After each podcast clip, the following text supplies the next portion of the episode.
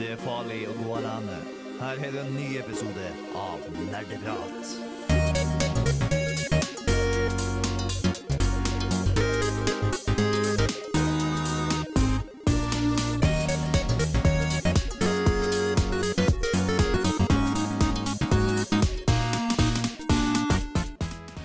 Hei og hjertelig velkommen tilbake til nok en ny episode med Nerdeprat. Vi er nok en gang tilbake i studio, og vi skal nok en gang prate om videospill. Hvem skulle trodd? Nerdeprat, spillmagasinet på Radio Revolt, snakker om videospill. Det hadde jeg aldri trodd. Ikke heller. Vi skal snakke om spillserier som har endret sjanger. Vi skal som vanlig eh, forklare mer hva vi mener med det senere. Men før det så skal jeg introdusere meg selv. Mitt navn er Håkon. Jeg er programleder, og med meg i studio så har vi Tai! og Bård. Bård, de klassiske, våre kjære. Kanskje du kommer i studio også, fordi vi har opptak. Plugger det igjen. Vi har opptak. Søk på oss. Det blir veldig gøy. Nå skal vi, som vi alltid gjør, gå videre til hva vi har gjort siden sist. Eh, Men vi må høre en liten låt først. Vi skal høre 'Kognitiv dissonans' av Amara. Å, helvete! Jeg må forte meg! Det er en ny episode av Nerdeprat. Det kan jeg ikke gå glipp av.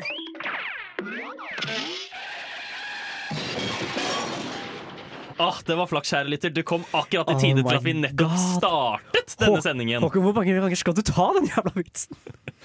Ja, men de kom jo i tide. Oh de gjorde jo det. God. Ehm, vi, snak vi, vi, vi gjør som alltid. Vi, du rakk akkurat siden sist, rett og slett. Vi, vi har nettopp startet, og vi snakker om hva vi har gjort siden sist. Hva har du gjort siden sist, Håkon? Jeg har spilt uh, noe spill. Jeg har for det meste spilt uh, litt Monster Hunter. Mm. litt Rise World Rise. Hva ellers? Det kunne vært. Stories 2 eller noe sånt. Nei, jeg hater uh, turbasert. OK, jeg visste ikke at det var turbasert engang. jeg. Nei. Ehm, og så har jeg spilt litt League of Legends. Uh, det har faktisk vært litt gøy. Oi, oi. Um, jeg spiller jo bare Aram, uh, Så som, som nevnt for deg. Da, da trenger jeg ikke å da trenger jeg ikke å skru på hjernen i det hele tatt. Da er den Spiller du også av. med venner? Ja. Ja. Ja, herregud, jeg klarer ikke å spille league alene. Da ville jeg heller da, vil, da hadde jeg vært deprimert hvis jeg hadde Ok. gjort det. Men uh, har du lagt merke noe til Arcane-gjengen? Hmm? Har de, har, liksom, de som så på Arcane og begynte på League, har de begynt å trikle Jeg vet ikke om jeg kommer til å møte de, fordi jeg er jo litt for høy level. Og det er ikke sikkert man merker det heller. Eh, nei, og det er eh, Jeg syns, jeg syns så synd på alle de som har blitt overbevist av Arcane om at league er bra. Fordi det er et utrolig dårlig spill. Ja. Eh, Eh, eller jeg vet ikke om jeg skal si at spill er dårlig. Det er utrolig dårlig balansert. Men det er jo på en måte Det er jo gode designvalg av og til. Eller Altså, De har interessante designvalg, Ja, men si. men de fleste hater det selv når de spiller, kanskje unntatt topp 25 Ja. Men da er liksom problemet Det er ikke spillet som er problemet, det er spillebasen. Ja. Nå, ja. Men uansett, vi skal, ikke, vi skal ikke bruke min tid på å snakke om uh, league her nå. Jeg har lyst til å snakke om et lite gjensyn fordi jeg har begynt å spille et spill på nytt. Jeg har spilt Hat in Time. Oh, ja. Det er eh, fortsatt den koseligste, gøyeste, en av de gøyeste 3D-plattformene jeg har spilt noensinne. I hvert fall den mest sjarmerende, uten tvil. Okay. Eh, jeg har jo snakket om det før, jeg tar det igjen.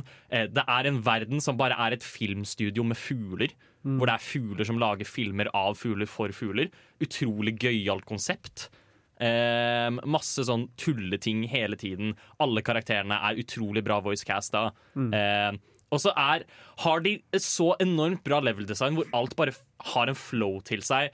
Og det, det går så naturlig. Og jeg elsker det. Det er Ja. et utrolig godt designet spill, så hvis du er fan av 3D-plattformene, så må du spille Hat in Time. Det, Det er- jeg skal gjøre det. Ja, Det er det eneste jeg har å si. Time. Ja, ehm, jeg har egentlig ikke spilt så sinnssykt mye siden sist. Ehm, jeg har Jeg kom på et punkt på 300 ELO i eh, sjakk. Ehm, det er like mye helvete som det høres ut. Jeg, kom, jeg krabba opp igjen, heldigvis. Nå nærmer jeg meg 500. Fortsatt jævlig crap. Men det er bedre For referanse, hva er høyt og hva er lavt? Eh, Høyt er sånn 2000. Ja, Altså alt, alt over 1500 liksom er dødsbra. Starter ikke på sånn 1000 Du starter på 800. Ja. Men ja, eh, så det var jo et helvete. Tenk at, du faktisk prøv, tenk at du faktisk går for ranked sjakk, da. Ja, men det, det er ikke noe andre valg, dude. Nei, men eh, så har jeg også fått prøvd litt Monster Hunter Rise. Hva, hva synes du? Um, det var spennende. Ja. Um, jeg likte Jeg syns det var jævla fett, egentlig. Men jeg skjønte det er ikke dritt av hva som skjedde. Nei, så klart ikke. Det er Monster Hunter-opplevelsen. Ja. I hvert fall i starten. Men jeg, jeg gjorde et eller annet piss hvor jeg begynte å skyte sånne Hva heter hookbugs? Nei. Ja, Eh, Wirebugs. Wirebugs, ja. Jeg begynte å skyte de helt random under en kamp, og så, så hoppa jeg på ryggen til monsteret. Og jeg bare sånn, wow, shit, det var dritfett! Og så greide jeg ikke å gjenskape det, uansett hvor mange jeg skøyt. Nei, det, du må skade monsteret nok Ja. med, med wirebug-angrep. Med Wirebug-angrepet. Ja. Han er- skader det. Ja, det er, et eget, det er en egen opplæring for hvordan de på Ja. det. Det var ikke involvert i min opplæring, da, Nei. i demoen. Um, jeg var stor fan av det. Uh, jeg kan se for meg at jeg kan kjøpe det i fremtida. Men kompisen jeg spilte med, var bare sånn Hva faen er dette? Dette var ikke noe gøy. Du må Um, finne noe kule å spille det med, som Ja. for eksempel meg og Bård. For Ja. eksempel. en, en vakker dag, kanskje. Mm. Um, ja, det var sånn cirka det. Nei, ja, Bård, har du en kjapp innsikt? Uh, ja, for eh, utenom det faste gamle har jeg spilt litt Civilization med en gammel kollega. Jeg har altså fulgt på kultur gjennom hele spillingen. Og likevel så produserer jeg nå halvparten av kultur som han gjør, som ikke fokuserer på overhodet, bare fordi han har 15-20 byer, og jeg har seks eller noe sånt. fordi jeg hadde det verdens verste startsted, så ja, jeg kommer til å tape så rått med det, men det går fint, fordi det er gøy å spille likevel. Civilization, ja. Ja. Ikke sant. Spennende. Nerdenytt.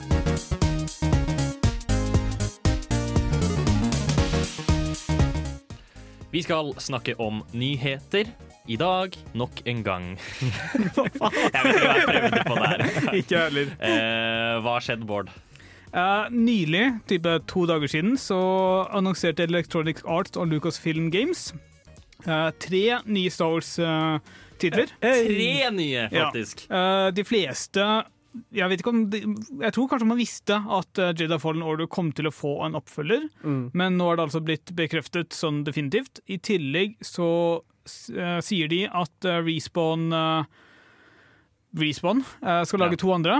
Eh, Mm. Altså De som lagde Jedi Fallen Order, skal, også lage en opp, skal samtidig lage en oppfølger og et skytespill og et strategispill. Det i er Star fett, Ah, men jeg blir litt sånn deppa når jeg hører alt skal komme fra samme studio, fordi de blir overarbeida.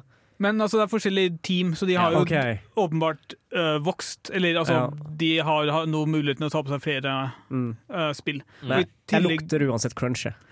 Ja, Det er mulig, kanskje. Men, eller, men vi får se. Altså ehm, ja, man, man kan jo ikke stave stil uten EA, um, som vi alle vet. Men Mm. eh, jeg har samtidig Jeg håper. Altså, det fint. står her at uh, strategispillet skal bli lagd av studioet Bitreactor, som jeg, jeg vet ikke hvordan det fungerer, men tydeligvis er underlagt Respawn på en eller annen måte. Og det Mm. er da tidligere XCOM og Civilization-utviklere. Åh, Oh, shit! Åh, med stra å, på strategi Å, fy faen. Ja. Herregud, nå, nå Det er faktisk lovende. det, her var, det her hørtes bra ut, ja. Mm. Og fra Eh, Respawn, til og med. Som eh, Jedi Fallen Order var jo veldig bra. Ja. Så det Herregud. Ah, men jeg er litt redd for at det blir en, eh, en Civilization-klone. Men altså, Men hvis det er XCOM Eh, Men Ja. altså, XCOM er ganske annerledes. begge deler kan Ja. helt fungere. Også Civilization har litt for stor trone i det siste. Altså, hvis du lager bra strategispill og bare satt til uh, Social-universet, så hvorfor ikke? Det, ja, men da kan du bare skaffe deg Siv på mod. Nei, men det er jo ikke det samme. Nei, kanskje ikke. Uh, men jeg er litt sånn eh, nysgjerrig på hvordan skytespillet blir. da Fordi de har jo hatt forsøk med Eller EA har hatt forsøk med Star Wars Battlefront. Ja. Uh, ny, eh, Ah. Star Wars Battlefront 2, 2 eh, som ble Jeg vet ikke, jeg husker ikke hvordan det Star Wars Battlefront 2. Eh, Jeg husker ikke helt hvordan det ble mottatt. Eh, det ble slaktet. Mm. Singleplayer-campaignen var hjernedød enkel, og multiplayeren var ødelagt. Det funka ikke, fordi Ja. det er EA. Jeg, jeg tror kanskje de fikk det sånn litt etter hvert, men det var jo Men så var det også- egentlig bare en Battlefield-klone. Ja, men det var også ekstremt pay to win i tillegg. mm. fordi eh, Hva var det? Alt var gratis, men du kunne kjøpe deg på en måte tilgang til ting. Og så var det altfor mye jobb i å kunne bli alle de kule Star Wars-heltene. Ja. Eh, fordi det var en del av battle-multiplieren. Mm. av at du kunne Hvis du hvis du drepte nok folk, så kunne du f.eks. bli Yoda. Mm. Men det bare tok altfor lang tid, så matchen var som regel over innen du fikk det. Ja. Med mindre du var sick. Og så måtte du også du, Alle de kule karakterene måtte også un unlocke eller kjøpe, da. Ja, nettopp. Så det var uh, kjedelig. Ja, jeg tror Det var noen som regna seg til sånn 400 timer eller noe sånt for x antall spi- karakterer. liksom Ja, ikke sant. Men jeg hadde ikke hatt noe imot å ha hatt et uh, Star Wars-spill lignende f.eks. Uh, Wolfenstein, eller også litt mer historie og kanskje litt mer arena. Mm. Uh, Ja. Doom-lignende Uh, Star Wars-skytespill hadde vært utrolig kult. Det hadde vært veldig, veldig kult. Uh, men i uh, forbindelse med Star Wars, uh, det er visstnok en nytt Lego Star Wars-spill som er under utvikling. Som kommer veldig snart, kommer nå i 2022. Men så er det også rapportert om at de må ha massiv crunch for å faktisk klare den datoen. Ja. Som er uh, typisk spillutviklere. Jeg hater det, men eh, hva kan man si? Eh, nå finner jeg ikke tilbake til hele artikkelen akkurat nå, men eh, det er tydelig på at eh, ikke alle studio og alle utviklere klarer helt å bli kvitt det, dessverre. Hva tror du det hva tror dere det nye Lego Star Wars skal handle om? Det, det var Star Skywalker uh, Altså Det heter jo åpenbart ikke Skywalker Rising, men Rise of Skywalker? Noe lignende, kanskje. Jeg tror det Mm. er liksom koblet til de ny nyeste filmene i Star Wars-universet. Ja, OK. Men altså fordi Lego-spillene har jo en situasjon hvor å bare kopiere filmer, nærmest. Du har jo Harry Potter 1 til 4 og uh, det er sånt fra før av. Ja, jeg skjønner. Men det er fortsatt uh, Hva skal man si? Ja, frustrerende. Veldig irriterende. Hvorfor uh, har ingen lært? Eller, men man, altså, man så jo eksempel på Game Award 2020. Da, da ble jo The Last of Us liksom belønnet for crunchen. Og det irriterer meg fortsatt grenseløst. Du hører faktisk på eh, nerdeprat. Um, Gaming er gøy. Radio Revolt. Gaming er gøy, i hvert fall når det skjer nye gaming-ting. Ikke sant, Bård? Vi har Ja. med nyheter å snakke om. Det stemmer. Um, vi kan jo kjapt gå og bare gi en oppdatering på fuckings Activision Blizzard-dritt. De blir aldri ferdig. nå har noen testere hos uh, Raven Software lagd en fagforening, men den nekter Activision Blizzard å anerkjenne. Jeg vet ikke helt hva det betyr sånn konkret, men de står på bakbena. Og folk spekulerer litt sånn i også hva dette kan bety for at Microsoft skal ta dem inn under seg. Vil de, vil de godkjenne fagforeninger? Vil de fortsatt være litt vemodige fordi fagforeninger er i USA veldig negativt, eller hva skjer? Eh, I tillegg så er det en annen ganske, syns jeg, i hvert fall interessant, fordi jeg bryr meg om Warcraft-universet. Uh, og relansering av Warcraft 3 var en skandale som Blizzard eh, kommer til å merke i lang tid. Men nå er det en uh, tilhenger av Blizzard som da har lansert uh, forbedrede kampanjefiler til Warcraft 3. Okay. Altså de, Den personen har gjort arbeidet Blizzard burde gjort da de relanserte Warcraft 3. Og fucka det opp helt uten sans og samling.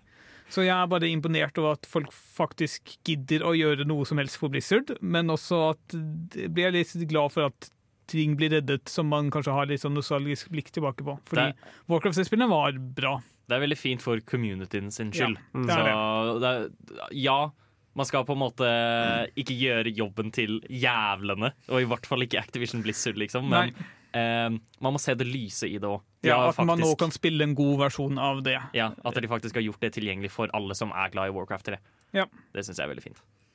Eh, I tillegg så er det nylig, veldig veldig nylig, eh, så egentlig bare en Twitter-melding om at det skulle komme mer informasjon senere, så det er ikke alle detaljer ennå. Men eh, visstnok så ser EA eh, på lanseringen av Battlefield 2042 og hvilke muligheter de kan ha for å redde det inn. Eh, For de som ikke vet, eh, Battlefield 2042 hadde en av de verste eller, Er vel den nyeste verste lanseringen vi har hatt. Ja, på, Eh. en ganske, på en ganske god stund òg, er jeg ganske sikker Ja, på. den trumfa ganske mye. Ja. Eh, De hadde en åpen beta tidlig som bare fikk masse tilbakemelding om at dette her er ikke klart ennå, og så var det fortsatt likevel å lansere og alt gikk ad undas. Så nå vurderer de annet å gjøre spillet gratis.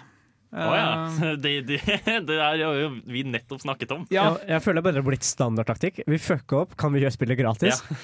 ja, men altså, det er sånn type Det er jo nettopp det. De fjerner inngangsbarrieren for å få folk inn, og så tror de kanskje at Mm. spillerne selv kan liksom redde spillet ved bare å si Mm. at OK, nå er det ganske bra, det er gratis å spille, så hvorfor prøver de ikke ut? Og så får de inn spillet på den måten der. Mm. Det er en taktikk som fungerer ganske, fungerer ganske bra, og det er jo liksom åpenbar løsningen av en dårlig lansering, men det er også interessant at det her er vel første gangen de har gjort noe sånt noensinne. Ja. Mm. Det er, eh, det er jo tross alt EA, så man skal ikke se bort ifra at de kanskje gjør noe ekstra som uh... Men vent nå litt, er, er det EA som også står bak Star Wars MMO-spillet? Som Eh, ble sluppet MMO-spillet? Tenker du på Knights Nights of the Old Ja. Republic eller The Old Republic? Eh, Star What? Wars Er det to forskjellige ting? Ja, Star Oh Wars The Old Republic som kom ut i Ja. 2011, ja det er ja. er eh, Electronic Arts, og de gikk også gratis å spille etter en relativt dårlig lansering. Mm. Eh, De klarte ikke å konkurrere med bl.a. World of Warcraft, som var store på det tidspunktet. Ja. Så da fant de ut at vi gjør det gratis å spille, og la folk betale da for ekstra ting. Mm. Så det er, det er en god løsning som har fungert relativt bra. Eh, Star Wars The Old Republic lever Jeg vet, jeg vet ikke om jeg kan si beste velgående, fordi jeg har ingen peiling på hvordan det faktisk gjør det sånn markedsmessig, men det lever og eksisterer. Ja. Det er, jeg syns det er helt idiotisk da, å tenke over at det skal eh, ta EA liksom, og bare fullstendig feile lanseringen av Battlefield 2042 før de vurderer å fikse spillet sitt. Jeg, jeg skjønner ikke hvor, altså De fikk jo så mye tilbakemelding på forhånd. Hvorfor tok de ikke bare å fikse Hvorfor utsatte de ikke spillet? Ja. Det er liksom det De er, taper kvart- penger på det, vet du. Det men er er kvartalsrapporter så viktig? De har skapt, altså, om ikke enda mer dårlig omdømme enn det de hadde fra før. det er, det er helt latterlig. Jeg, jeg skjønner, ikke, skjønner ikke hvordan det går. Men, men som, som jeg sa i stad, du kan ikke stave stil uten EA. Det, Nei, det er evig relevant sitat. Lær av det. Vi skal slutte å klage, vi skal slutte å ha det eh, kjipt. Vi skal ha det gøy. Vi skal gå over til temadelen vår etter vi har hørt en fin liten låt som heter eh, Masquerade, laget av Beach House.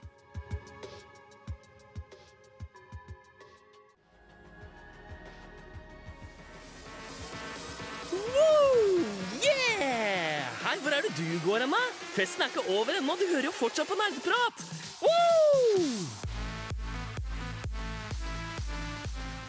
Festen har så vidt begynt, faktisk, fordi vi skal starte på temadelen vår. Jeg nevnte innledningsvis at vi skal snakke om spillserier som har endret sjanger, og det i seg selv er en kanskje ikke så veldig vag setning, men en, set, en setning som kanskje er litt vanskelig å forstå bare i utgangspunktet. Ja. umiddelbart. Eh, så vi skal utdype litt grann her. Med spillse- spillserier som har endret sjanger, så mener vi rett og slett at det er hovedserien av spill som har en spesifikk sjanger, og så har de gått i en helt annen retning i sitt neste spill. Kanskje ikke nø- nødvendigvis helt annen retning, Nei. men i en annen retning. Ja. Eh, gjør, gjør noe nytt. De De Ja. prøver, de på en måte utvider, endrer på et eller annet som gjør det til Det er en merkverdig nok endring mm. til at det på en måte føles ut som en ny Eller en ish ny opplevelse. På godt og vondt. Ja, på godt og vondt. Um, for å komme, for Jeg kan innlede med et eksempel, sånn at dere kan få et bedre perspektiv på dette. Um, den, den utrolig store spillserien Dynasty Warriors, ehm, som nå handler om å liksom bare at du er en fyr som er helt psycho OP, og du bare mower ned horder av fiender med liksom å mashe X-knappen eller hva enn det er. Ja, Um, også av og til Y. Ja, også av og til lyd. Det er faktisk viktig. Liksom komboer og alt det der ved å bare trykke på én knapp, eh, eller to knapper av og til. Startet originalt som et 1v1 2D slåssespill à la Street Fighter og Mortal Kombat og alle de tinga der. De endret sannsynligvis sjanger fordi eh, de kom såpass sent. De, det var et PS1-æra-spill, så vidt jeg husker. Dette var, det kom ut samtid, samtidig som Tekken, som på en måte tok over slåssespillandskapet på den tida. Så, så om du spør meg, som ikke har noen som helst innsikt om det, så antar jeg at de gjorde den endringen fordi de ikke klarte å skille seg ut nok. Ja, og så var det jo liksom et uh, nytt terreng, da. Det var jo ikke veldig mange 3D-spill så tidlig, så du hadde liksom muligheten til å både utforske 3D-muligheten, men også si at OK, vi prøver noe nytt. Mm. Så Så det er da- annet enn arena slåssespill. Ja, så da endret de det til at du løper rundt på et svær slagmark, dreper masse små fiender og sånt. Og det har jo typ funnet opp sin egen sjanger, nesten. Ja, definitivt en egen sjanger. Du har masse Harvey Warriors, Age of Calamity, øh, det- jeg tror Fire Emblem har en egen versjon. Ja. Uh, Persona har en egen versjon, Ja. sånn type ting. Og det, det er noe sjarm i det, men poenget da, er at der, her hadde de én type sjanger de hadde, og så endret de fordi, for, for å gjøre det friskt, for å gjøre det mer unikt. Ja. Um, type ting. Så det er, det er slike endringer vi har tenkt å snakke om i dag. Og da er det også, siden vi allerede har gjort det, så sier det seg også selv at dette ikke inkluderer lignende som spin-offs eller noe sånt type ting. Fordi hvis vi eksempel hadde inkludert spin-off, så hadde det betydd at vi måtte inkludere eh, alle Mario-spin-offene. Ja. Mario Kart er en eh, ny sjang... Ja. Ja. Og vi snakker heller ikke om franchise, for eksempel. Da, så mange forskjellige Star Wars-spill, og de eneste tingene er liksom navnet. Mm. Vi tenker på en, liksom en spil, konkret spillserie, da. ja. Ja. Så ja. Jeg visste for eksempel ikke at uh, Dynasty Warriors var et 1v1 slåss- 2D-slåssespill før du sa det. Nei. Det er, det, vi, snakker ikke om, vi skal ikke snakke om det mer i dybden i dag, rett og slett Mm. fordi det var det aller første spillet, og så kom det andre å endre på det. Så det var på en måte Det har ikke vært en så relevant endring. Mm. Um, Det, det skjedde jo før vi brydde oss, ja, nettopp. Ja. Så, men, men det er fortsatt et veldig godt eksempel på akkurat det vi snakker om i dag. Men har du spilt originale? Jeg har ikke spilt original Dynasty Warriors. Jeg visste ikke at det var et slåssespill for, for kanskje et år siden. Okay. Mm. Så, men det er fortsatt en interessant eh, vinkling på det. Og eh, grunnen til at vi har denne sendingen her, er fordi i morgen, fra vi spiller inn nå, eh, så kommer det nytt Pokémon-spill som prøver på noe nytt, og det skal vi snakke om etter vi har hørt Trist pike med Naken i paradis. Hey yo, det er DJ MacLeod Banks. Du hører på Nerdeprat. Vi starter, som nettopp jeg nevnte før låt, med å snakke om Pokémon. Og grunnen til at dette er så merkverdig, er fordi Pokémon prøver på noe nytt på kanskje sånn over 20, ja, over 20 år, minst. Siden Pokémon Stadion, tror jeg. Ja, som Ja. kom ut eh, i sånn 1990 På, noe. til. Nintendo 64. Ja. Det er lenge siden. Det er veldig lenge siden, og de har ikke prøvd på noe nytt siden da. De har eh, Eller hva er det? Folk driver og argumenterer for at de har prøvd å liksom endre litt på den vanlige formelen. Sånn som du ser på Pokémon Sol og Måne, hvor det er sånn Å, det er ikke gymledere lenger. Nå er det kahunaer. Men liksom, Oi. for en diger endring, ass. Ja, det er, så så det er bare sånne små tullete ting. Men utgangspunktet så går det fortsatt fra by til by og beseirer Kayunaer, og så går det til Pokémon-ligaen og vinner. Det er på en måte det som har vært strukturen i Pokémon i over 25 år. Men var det ikke sånn Pokémon Adventures og sånt på DS-en? Eh, jo, men disse regnes jo mer Er som spin-off? spin-offs igjen. Ah, ja. okay. Pokémon Mystery Dungeon, spin-off. Okay, okay, ok. Eh, Pokémon Ranger, Pokémon alle, alle de der. Trading card game. Ja, Trading Card Game, det er spin-offs. Det er ikke main series av Pokémon. Vi refererer til eh, at du styrer en liten kid som skal klare åtte gymmer, og så gå til ligaen og bli den beste Pokémon-treneren. Mm. Eh, nå, i morgen, så kommer det et helt nytt spill som vi allerede har snakket en god del om. Mm. Eh, Anmeldelsen er ute allerede. Anmeldelsen er ute allerede, og det er Pokémon Legends Arceus. Mm. Fordi her har de eh, faktisk kastet den originale nesten, Den originale formen nesten helt ut av vinduet. Mm. Eh, det eneste som er igjen, er det vanlige kampsystemet. Ja, at det er Um, turbasert. Ja, At det er turbasert, og du har forskjellige moves, og du Mm. kaster ut en Pokémon og slåss mot andre Pokémon. Eh, men eh, i bytte da, så er det du, Det er nesten ingen trenerkamper Mm. i spillet. Eh, du slåss kun mot vanlige Pokémon, og så er det nesten helt open world. Jeg er Mm. ganske sikker på at det enkelte områder er avgrenset inntil du har kommet deg langt nok i de områdene du har tilgjengelig. Mm. Eh, men så åpner det seg opp mer etter hvert. Og da er det også sånn eh, istedenfor gymmer, så er målet i spillet å fange alle. Okay. De, de går tilbake til got to det, det catch them all. er skikkelig til røttene, altså. Ja. Mm. De, de har gått tilbake til det. De har den svære, åpne verden du kan utforske. Men, men har formålet til noe så tidligere spill vært å fange dem alle? Det aller første hadde tagline 'Got to catch them all'. Ja, men altså, En tagline er jo litt irrelevant, da. Um, men, men det var også sånn uh, Der var det jo på en måte mulig fordi du kunne um, fordi det var bare 151. Nå Ja. er det over 1000. Nå er det Det er jo mange Pokémon som bare ikke finnes i spillet du spiller. Ja, nettopp. Nå er det irrelevant. Ja, hvor mange Pokémon er det i Arcus Legends? Eh, det tror jeg ikke jeg vet, helt ærlig. Men eh, det skal det, det er, Jeg vil tippe i hvert fall sånn 200 minst. En Ja. betydelig mengde. Ja. Ja. Men det, det skal i hvert fall være mulig å fange alle uten at du bruker 1000 ord på det. Ja, Ja. Det, det skal det absolutt være. Um, Mm. Og der er det sånn, når du går eh, Når du skal fange Pokémon, da, når du går rundt, så kan det være forskjellige måter du gjør dette på, ved at du f.eks. sniker deg opp på dem og kaster Pokémon. Du må ikke gå i kamp lenger for å kunne fange Pokémon. Ah, du kan snikfange. Ja, så, det kan en, så det kan faktisk gå flere minutter før du går inn i en kamp i det hele tatt. Hvis Mm. du på en måte liker snikeaspektet og snike deg på folk og fange dem Herregud, på du den har måten. faktisk endra formet helt! Ja, de har endret masse. Folk driver og argumenterer for at dette er en spin-off, men jeg mener fortsatt at dette er en del av main series fordi det Mm. beholder det originale kampsystemet. Ja. Så ingen, Eh, ja, ingen av de andre spin-offene har det originale kampsystemet. nei, Mm. nettopp. Så, så det her er på en måte Det her er i hovedserien, Ja. men eh, det gjør såpass mye nytt og annerledes at det, ja, det, det, det, er, det føles ut som en frisk pust. For Mm. en gangs skyld. Det her er noe vi har ventet av Pokémon på lenge, liksom, at de skulle prøve noe nytt. Um, men jeg må spørre deg, hva synes du, du som er største Pokémon-fan av oss? Jeg tror, Har Håkon fått prøvd det ennå? Nei, det kommer ut i morgen. Okay. Um, Men så da ja. har du gjort deg noen tanker? Jeg har ikke fått prøvd det ennå. Eh, Jeg syns det, ser- jeg syns det ser veldig avslappende ut. Fordi Mm. det er, Folk driver også og beskriver det som eh, Breath of the Wild, som for øvrig også er en annen som på en måte endret ganske mye på Zelda-formelen, Mm. uh, som var en stund. Um, og det var det, det ser veldig avslappende ut. Du løper rundt, du fanger Pokémon, Mm. um, og det er det, på en måte. Ja. Det ser veldig dårlig ut grafisk messig. Det er helt forferdelig. Eller altså, Pokémonene ser bra ut, men selve verdenen ser helt jævlig ut. Ja. Ja, den ser litt tom ut. Ja, Det ser ut som PlayStation 2-grafikk, rett og Mm. slett. Eller Vi-grafikk, da, kan du si. Kanskje til og med enda dårligere. Altså, folk sammenligner liksom med VU og bare uh, Xenoblade Chronicles som kom ut til VU. Uh, ser mye bedre ut enn det her som kom ut vet ikke, fem-syv år senere. eller Ja. noe sånt. Mm. Um, så, men, men jeg er i hvert fall Jeg er i det minste fornøyd med at Pokémon har prøvd noe nytt. Ja. Eh, og jeg håper å se og jeg, og jeg tror også at det her kan på en måte være eh, grunnlaget til en ganske ny vri på Pokémon. Ja, Mm. fordi så vidt jeg har skjønt, så er det enkelte ting med spillet som fortsatt er litt clunky, men at det er en base for et veldig bra spill her. Ja. Og det, det syns jeg høres veldig spennende ut. Og det, ja, jeg, jeg håper jo naturligvis på det beste. At dette her kommer til å bli kjempe, kjempebra. Ja.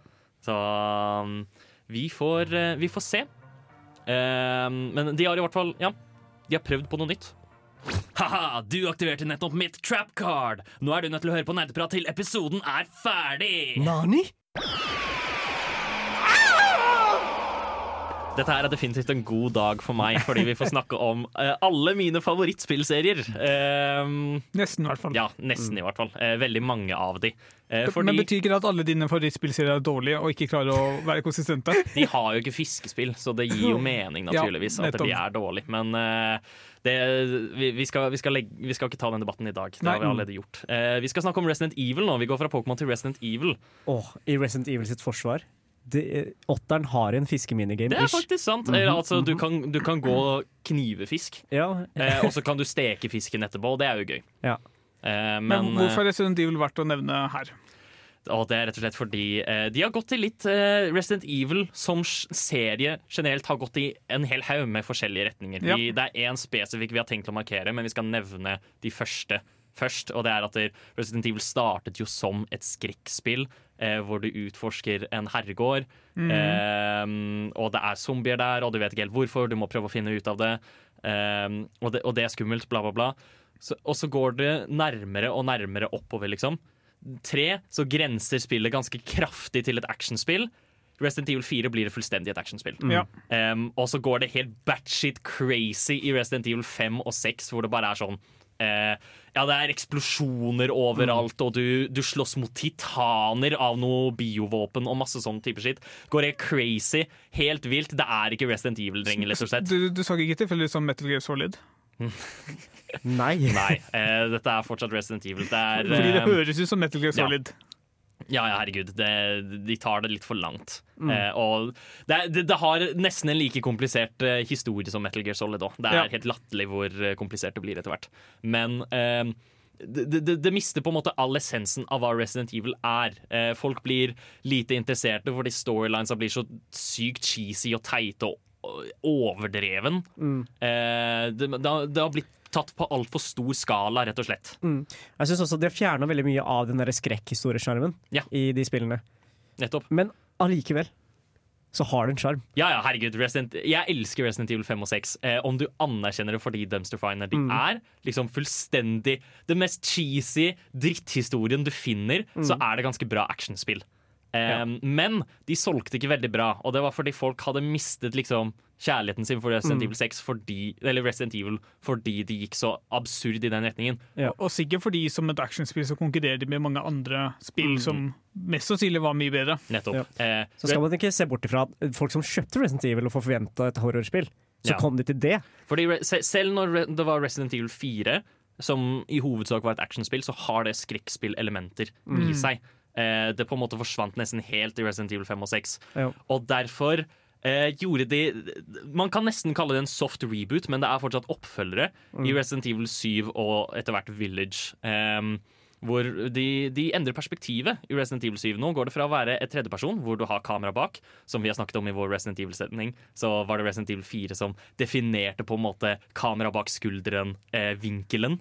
Eh, de, de har gått vekk fra det nå. Nå er det førsteperson. Du styrer karakteren.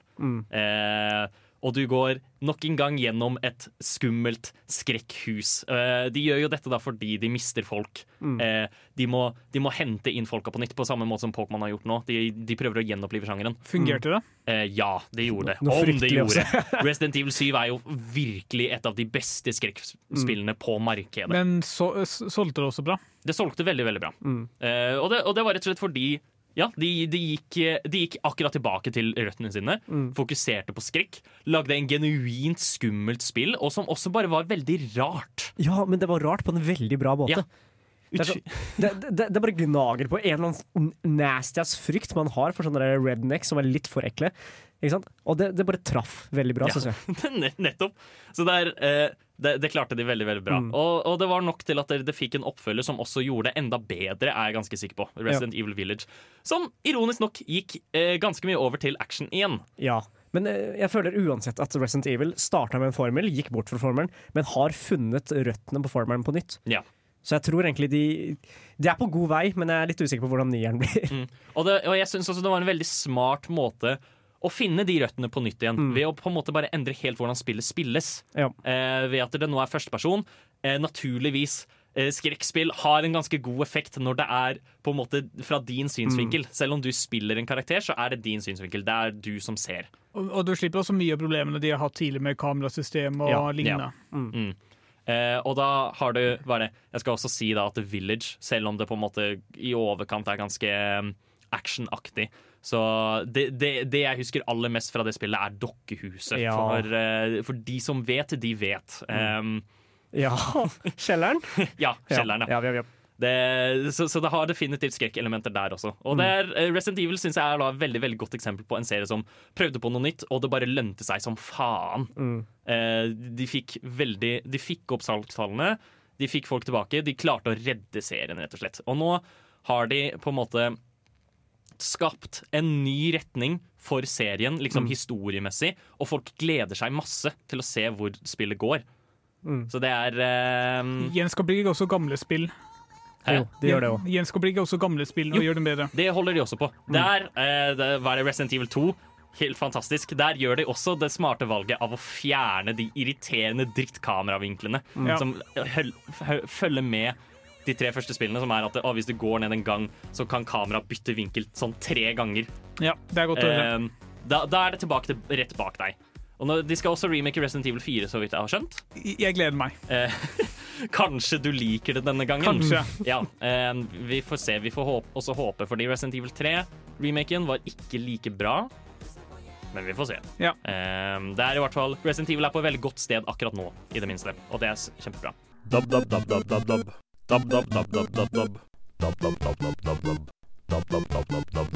når det prater på DAB-radio.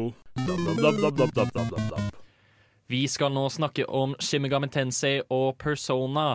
Og nå tenker du sikkert, kjære observante lytter, hæ? Men er ikke Persona en spin-off av Shin Megami Tensei? Bryter dere deres egen regel, eller? Tror Du de har hørt om Shin Megami Tensei?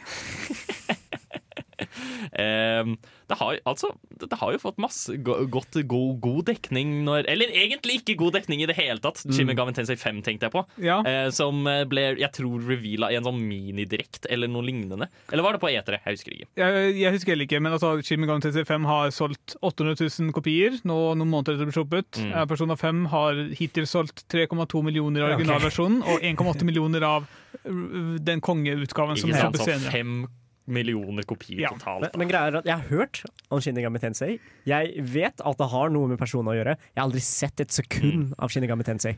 Ok, så ting er at Shinigami Tensei er et uh, spill hvor du fanger monstre, veldig lignende Pokémon, bare at den har en del ekstra systemer. Du kan type slå sammen monstre, lage nye monstre og lignende. Uh, så det var, var det som opp, opprinnelig kom ut, men så har de da lagd en alternativ versjon av spillet som de kalte Persona. Det ble til og med markedsført i starten som Shin Megami Tensei Persona, hvor dette aspektet, eller denne spilloopen, da blir en mindre del av spillet, og det blir heller hovedfokus på at du er en ungdom som går på skole. Ja. Ja, ok. Det blir Så- mer uh, det, det, Altså det blir det tradisjonelle Shin Megami Tensei, liksom combat-type tingen. Men eh, det er også en life sim. Ja, altså, eh, du fanger monstre, eller du dreper, kjemper mot monstre kun på nattestid. Mm. Du, er, du er helt om natten, men på dagtid så er du også helt. Da går du på skole og dater folk Ja, ok. og jobber i, med småjobber og sånne ting for å tjene til livets opphold. Ja, så du får basically Japan-treatment, og så blir det bare et mer japansk spill. Ja, Ja. man kan jo nesten si det sånn, selv om Shin Megami Tensei høres voldsomt mye mer japansk ut. Ja, men Shinigami Tensei høres jævla epic ut. Så Ja. er det Persona. Ja, altså, Jeg liker Shin Megami Tensei bedre, fordi jeg hater litt det livesim-tingene i Persona. Jeg, Mm. jeg ser appellen med dem, men jeg liker det ikke personlig. Jeg Ja. Du hater folk, så du hater spillet. Nei, jeg bare, jeg, fordi du må alltid prøve å balansere ting. Du må Mm. liksom type studere godt nok til å gjøre det bra på testene, i tillegg som både ja, altså få nok progresjon om natten med Mm. monstrene for å faktisk klare å redde ting eller hva nå enn. Ja. Og i tillegg så er det x antall personer som du har, mulighet til å date. Mm. Og, men ikke, og, i tillegg til det så må du også tjene penger. Okay. Så det er veldig mye å velge mellom.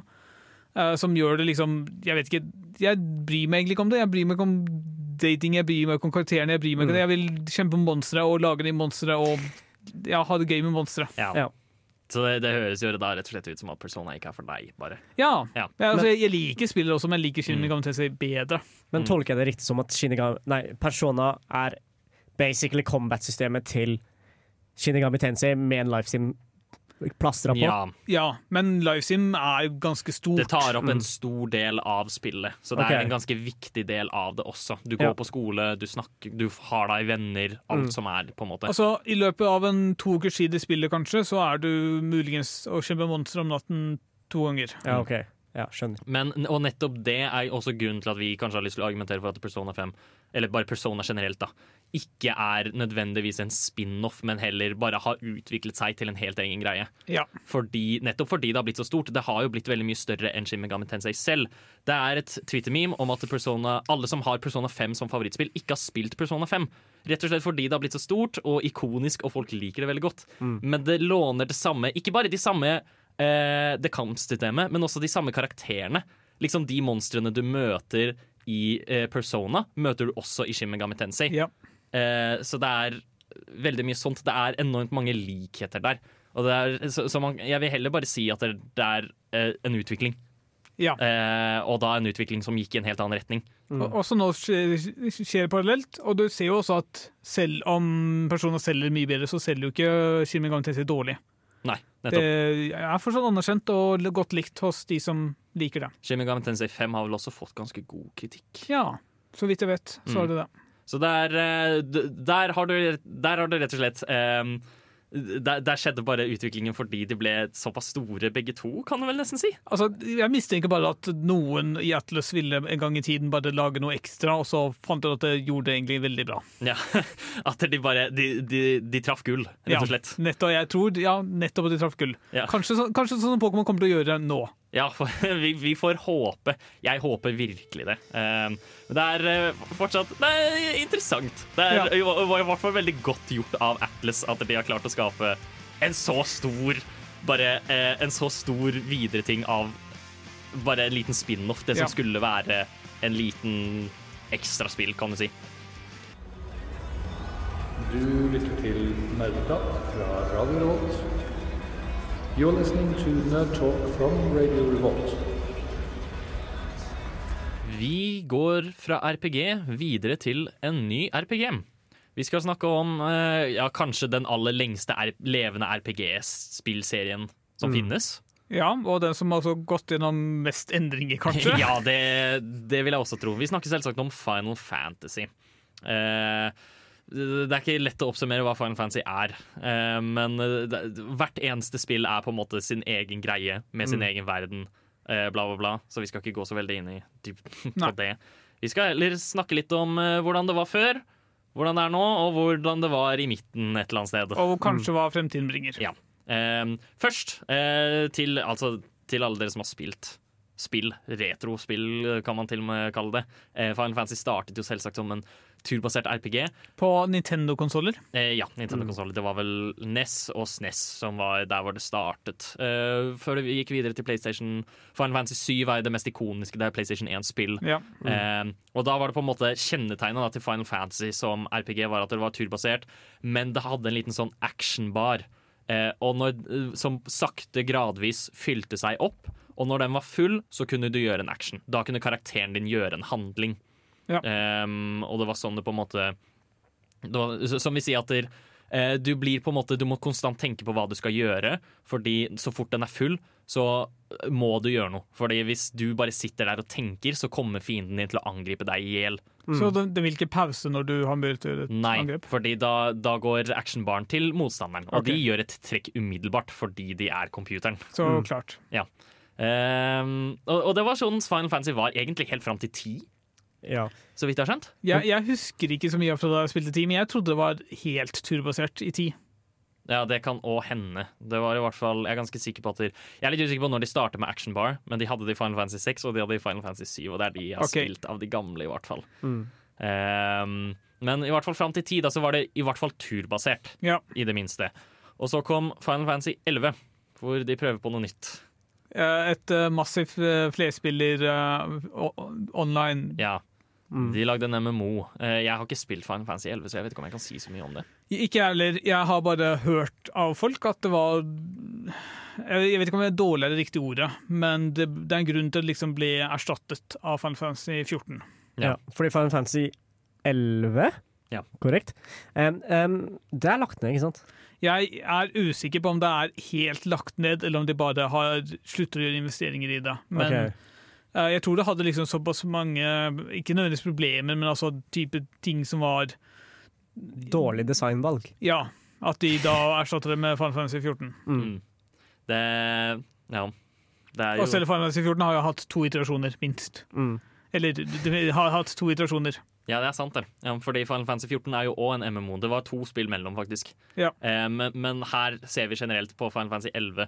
Her har de gjort noe annerledes. Her, eh, Siden det er en MMO, det er online, så fungerer det ikke akkurat turbasert noe Mm. mer. Nei. Ehm, så da går no, Her er det er rett og slett markeringspunktet da, for at det nå er Final Fantasy en action-RPG.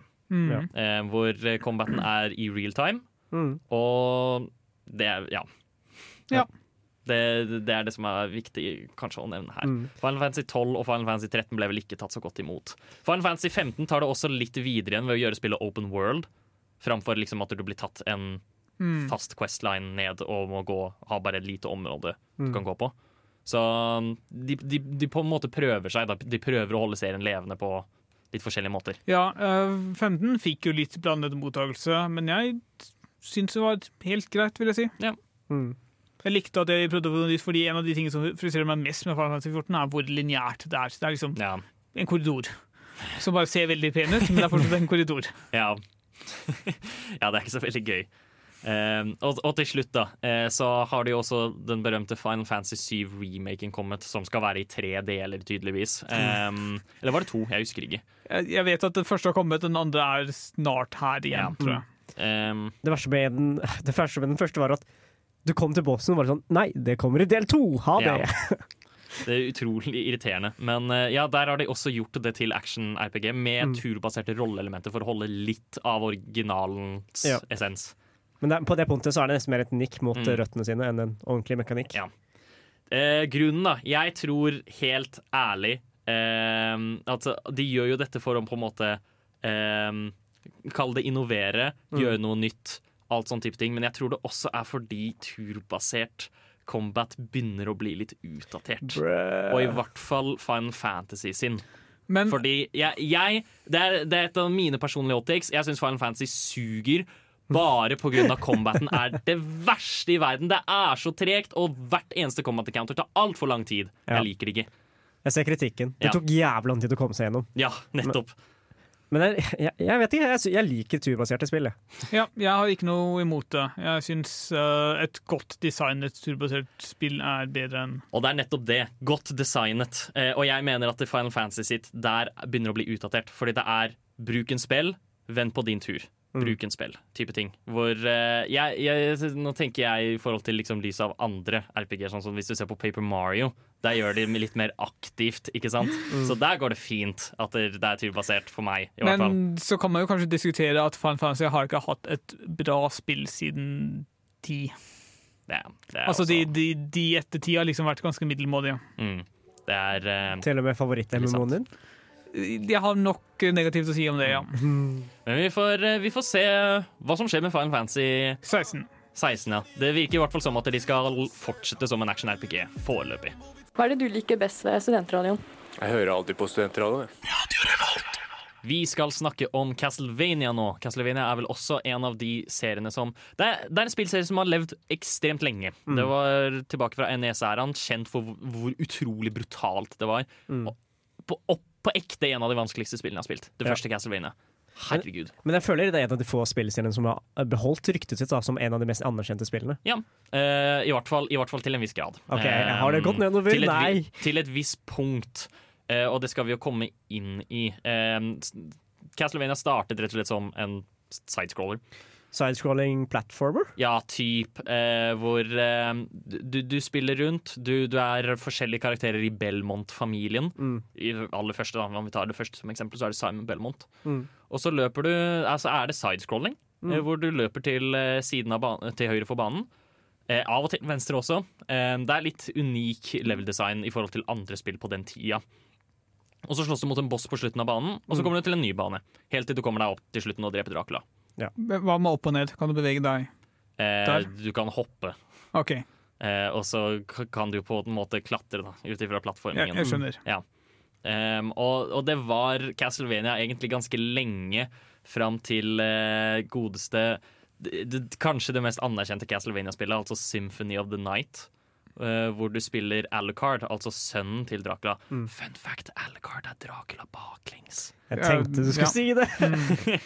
Eh, hvor det her eh, Det er fortsatt eh, en 2D sidescroller, kan du si, men de har eh, endret opp sjangeren til å bli en Metroidvania i stedet. Mm. Eh, hvor istedenfor at du på en måte bare ja, løper gjennom, dreper et par bosser og så dreper Dracula, så må du utforske hele slottet for å finne ut hvordan du kan komme deg til Dracula. Fordi Dracula Mm. er død i starten av eh, spillet. Men hvordan dreper du noe som allerede er dødt? Eh, det er vel kanskje noen som har lyst til å gjenopplive ham på nytt, da. Hmm. Fordi Dracula blir jo egentlig gjenopplivd hvert hundrede år.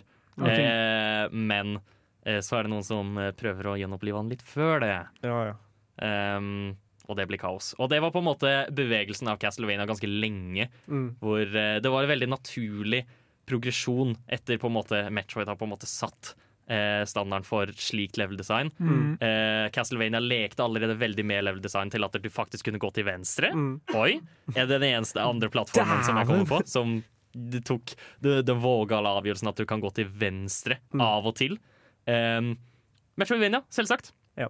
Men jeg syns også det var et jævlig godt valg for serien å ta Metrovania-approachen. Ja, spesifikt. Eh, Mm. Fordi det på en måte du kan ha masse interessante slemminger, og i hvert fall når du har en karakter som Alucard, som på en måte, han er vampyr. Mm. Eh, da er det, det er, hva er grensen til hva man kan finne på hva en vampyr kan gjøre? liksom? Mm. Forskjellige evner du kan samle, bli sterkere. Sånne type ting. Det er Ja.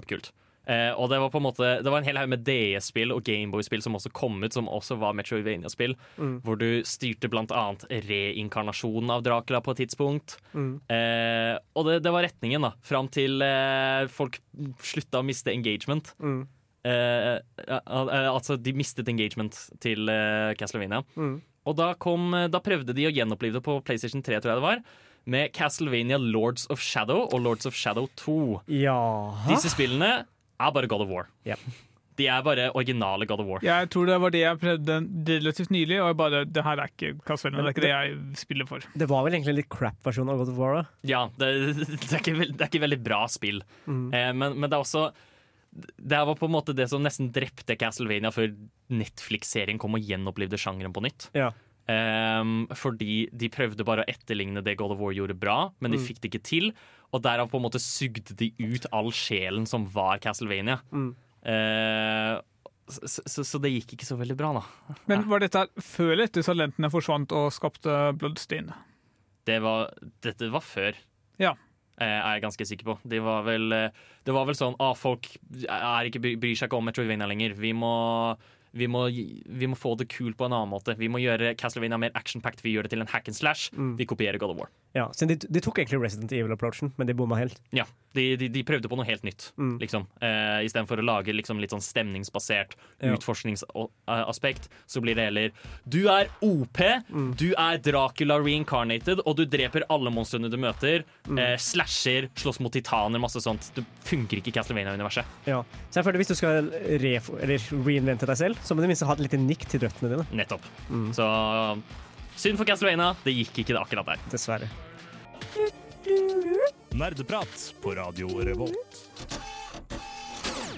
Nå skal vi gå videre til eh, også en enormt svær spillserie, som Mm. eh, på et tidspunkt Der er kanskje en litt Jeg vet ikke om jeg skal si mildere eksempel av sjangerbytte, men heller et eh, eksempel av eh, et sjangerbytte som bare skjedde. Men er, er den fortsatt så stor, da?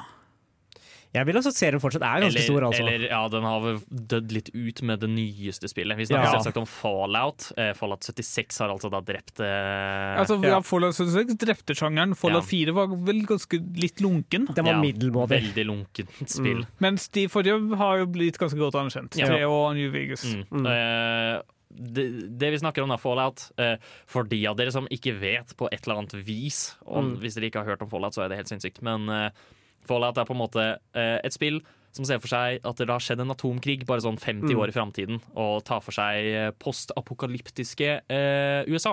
Ja. Det er vel ikke fem, det er sånn merkegreier hvor det skjer i fortiden, men også i fremtiden. De har Ja. fremtidsteknologi i fortiden. Ja, det, det er vel sånn Fordi det, det er et spesifikk eh. Ja. Ja. Det er et spesifikt liksom, tidspunkt eh, hvor eh, i, i framtiden, sånn 2070-tid, Mm. eller noe sånt, hvor bommen slapp. Og så får man se liksom, sånn 50 år fram i tid igjen etter der. Ja. Det er da. Og da har man på en måte tydeligvis utviklet ganske mye futuristisk, men det er samtidig alt er søppel og alt er ødelagt. Ja. De be eh, utviklerne beskrev det jo uh, liksom, at du er i fremtida, men um, hva var det kalt? da? Silikonchipen ble aldri oppfunnet. Ja, OK. Um, Mm. Så det Atompunk. Å ja. ja, det var ikke dumt. Mm. Um, grunnen til at vi snakker om dette spesifikt, eh, er jo fordi de, de to første Fallout-spillene Som sikkert veldig få også har spilt. Jeg vet Mm. jeg ikke har rørt dem. Ikke rørt dem selv. Eh, nei. eh, det er eh, De er i hvert fall det, det det var jo før de ble ordentlig Store. store. og sånt. Det var før de ble Mm. kjøpt opp av Bethesda. Altså Det var Obsidian Entertainment som lagde de to første spillene. Hva var det de? Ja, OK. De lagde, de lagde de to første spillene, og så gikk de senere til å lage Fallout New Vegas. Ja. Men eh, Fallout 1 og 2 var isometriske, taktiske RPG-spill. Mm. Um, som istedenfor det vi kjenner det som i dag, altså førstepersonsskytespill. Mm. var Skyterollespill. Ja, skyterollespill. Ja. FPSRPG.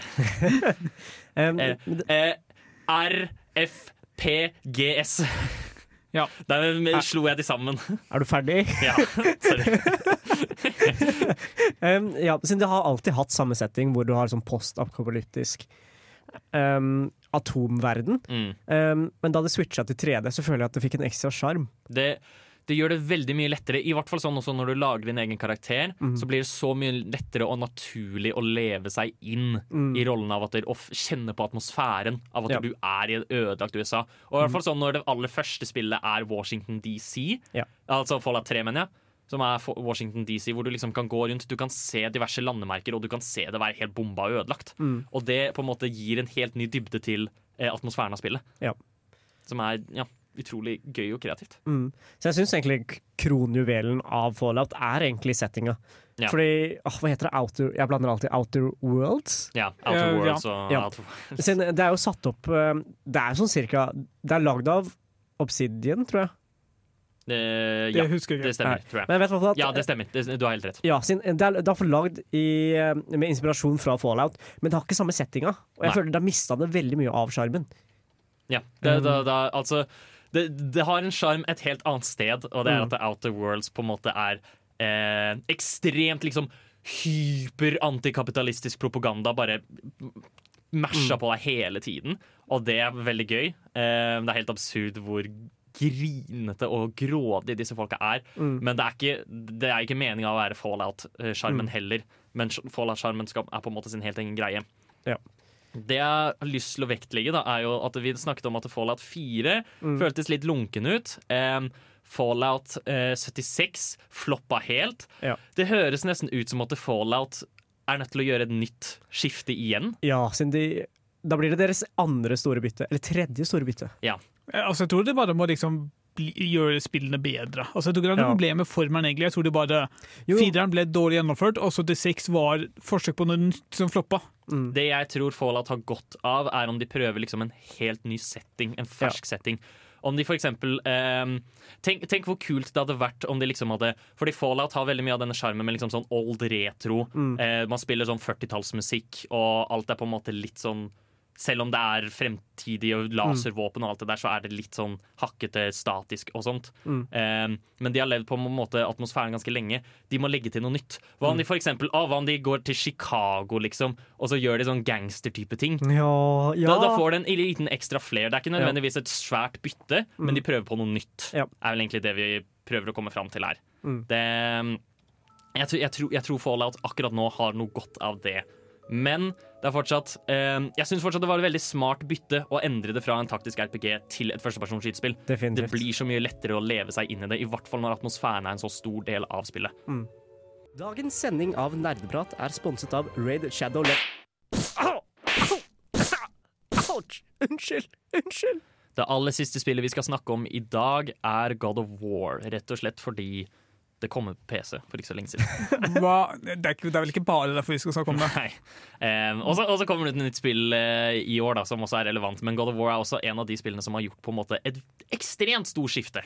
På hvilken måte da, Håkon? Eh, det endret setting, det endret combat, det endret tone, det endret nesten alt på en måte som var God of War før. På samme tidspunkt, eller kontinuerlig? Altså i På, på samme tidspunkt. Det var rett og slett alt i det nye spillet endret helt hvordan God of War fungerte. De, de, de, rett og slett, de prøvde å forestille seg Ok, hvordan kan vi gjøre God of War annerledes.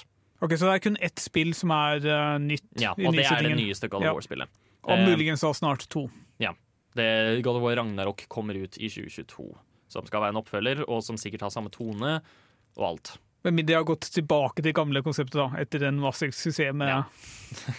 Det, det hadde vært merkelig, tror jeg. Veldig merkelig. Eh, fordi eh, de fleste her vet sikkert at God of War det starter som en hack and slash. Altså de, to, de tre første spillene med masse liksom, undertitler og spin-off, som for øvrig er i samme serie.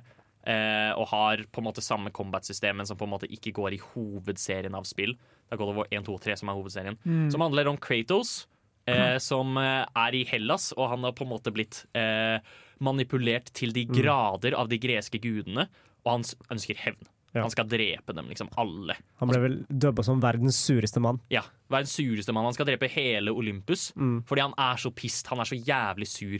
Det var, og det er fordi eh, Litt sånn milde spoilers til et 20 år gammelt spill her. Mm. Men eh, God of War, krig, guden av krig, altså Ares, eh, lurte Kratos til å drepe sin egen familie. Mm. Og, han er, og han er hvit fordi han er liksom markert med asken til de døde familiemedlemmene hans. Mm.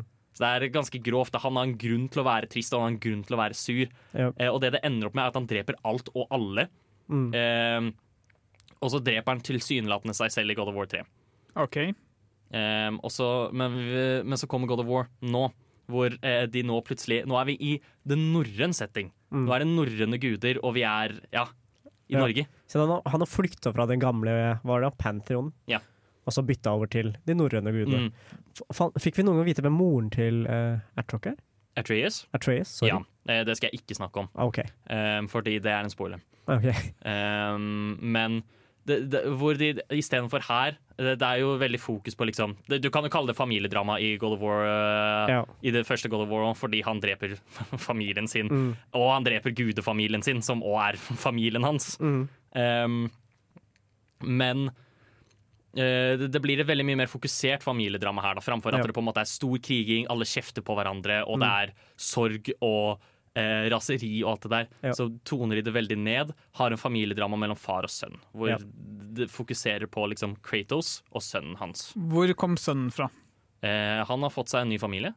Han har fått seg en eh, kone Okay. i norrøne. Vi, vi får ikke møte henne, da. Ok, Så det er en ny sønn, det er ikke en sønn som på magisk vis overlevde Nei, nei, nei, nei, han har fått en ny sønn.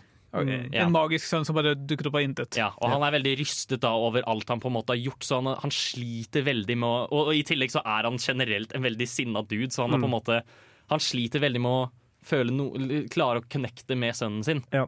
Det er liksom kampen om Istedenfor liksom kampen om å ta hevn, så er det etter kampen om at han skal være en god far da Ja. overfor sønnen sin. Mm. Er, så, så på en måte Der hvor det første spillet handler hele tiden om at å, han, skal kun, han skal drepe gudene hele tiden, så handler det spillet hvor han bare prøver å holde seg så langt vekk fra gudene som mulig. Ja.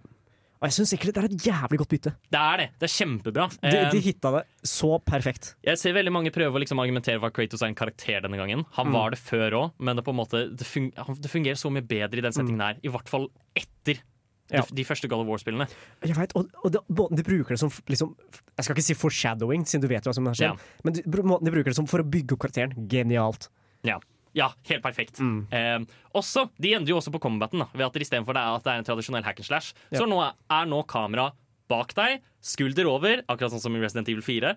Eh, hvor, eh, ja, hvor det er typ slåsse melee combat. Mm, sånn halvveis likt originalen, men fortsatt veldig annerledes. Ja, Det er mye mer strategisk nå. Ja, mer strategisk. Og det er um, det, det, det fungerer også overraskende bra til tross for at du har så begrenset synsvinkel. holdt jeg på å si. Mm. Men det er en veldig stor endring som på en måte endret fullstendig hvordan serien så ut, men som har fungert kjempebra. Mm. Fungert dritbra. Man ser jo det på hvor stort det, det nye God of War er. Ja, definitivt. Prøver du å anbefale å plukke det opp? Ja, absolutt. Ohayo, minisan, konnichiwa. Du hører på Nerdeprat, nja-nja. På Radio Revolt, desene. Uvu. Ja, nei, noen har jo gjort en feil her. Eh, Unnskyld. Det der var jo egentlig signalet for at vi skulle ha ukas spørsmål. Eh, fordi vi har ukas spørsmål denne uka. Men altså. Ja. hva er ukas spørsmål? Kan, kan du ta det med hele stemmen? Men Håkon, hva er ukas spørsmål? Takk. Uh, ukas spørsmål i dag er uh, Det går egentlig ganske lett. Eh, eller det er et vanskelig spørsmål, men det er lettvint spørsmål. Mm. Rett og slett at hvis du kunne tatt én spillserie, sett for deg den spillserien i en annen sjanger, hva hadde du valgt? Jeg Og Bård vil starte. Ja. Fordi jeg har spilt mye Final Fantasy 14 de siste to årene. Og jeg elsker den verdenen de har skapt der. Og jeg vet også de henta masse ting fra tidligere spill. Men jeg syns det er litt irriterende med alle de andre spillerne jeg spiller med, som gjør feil og er dritdårlige og sånne ting. Eh, og jeg har litt lyst til å ha si, litt mer intense kamper enn det jeg har hatt hittil. Så jeg har lyst til å kjempe mot gudene i Fun Fantasy i et Dark Souls-aktig spill. Som har laget en helt ny historie lignende den uh, Hva skal jeg si Innfløkter du finner i Dark Souls. Mm. Med mye det samme, liksom, altså like flotte områder som du kan finne i Dark Souls. Men greia med gudene i Final Fantasy er at de er absurd sterke. Du.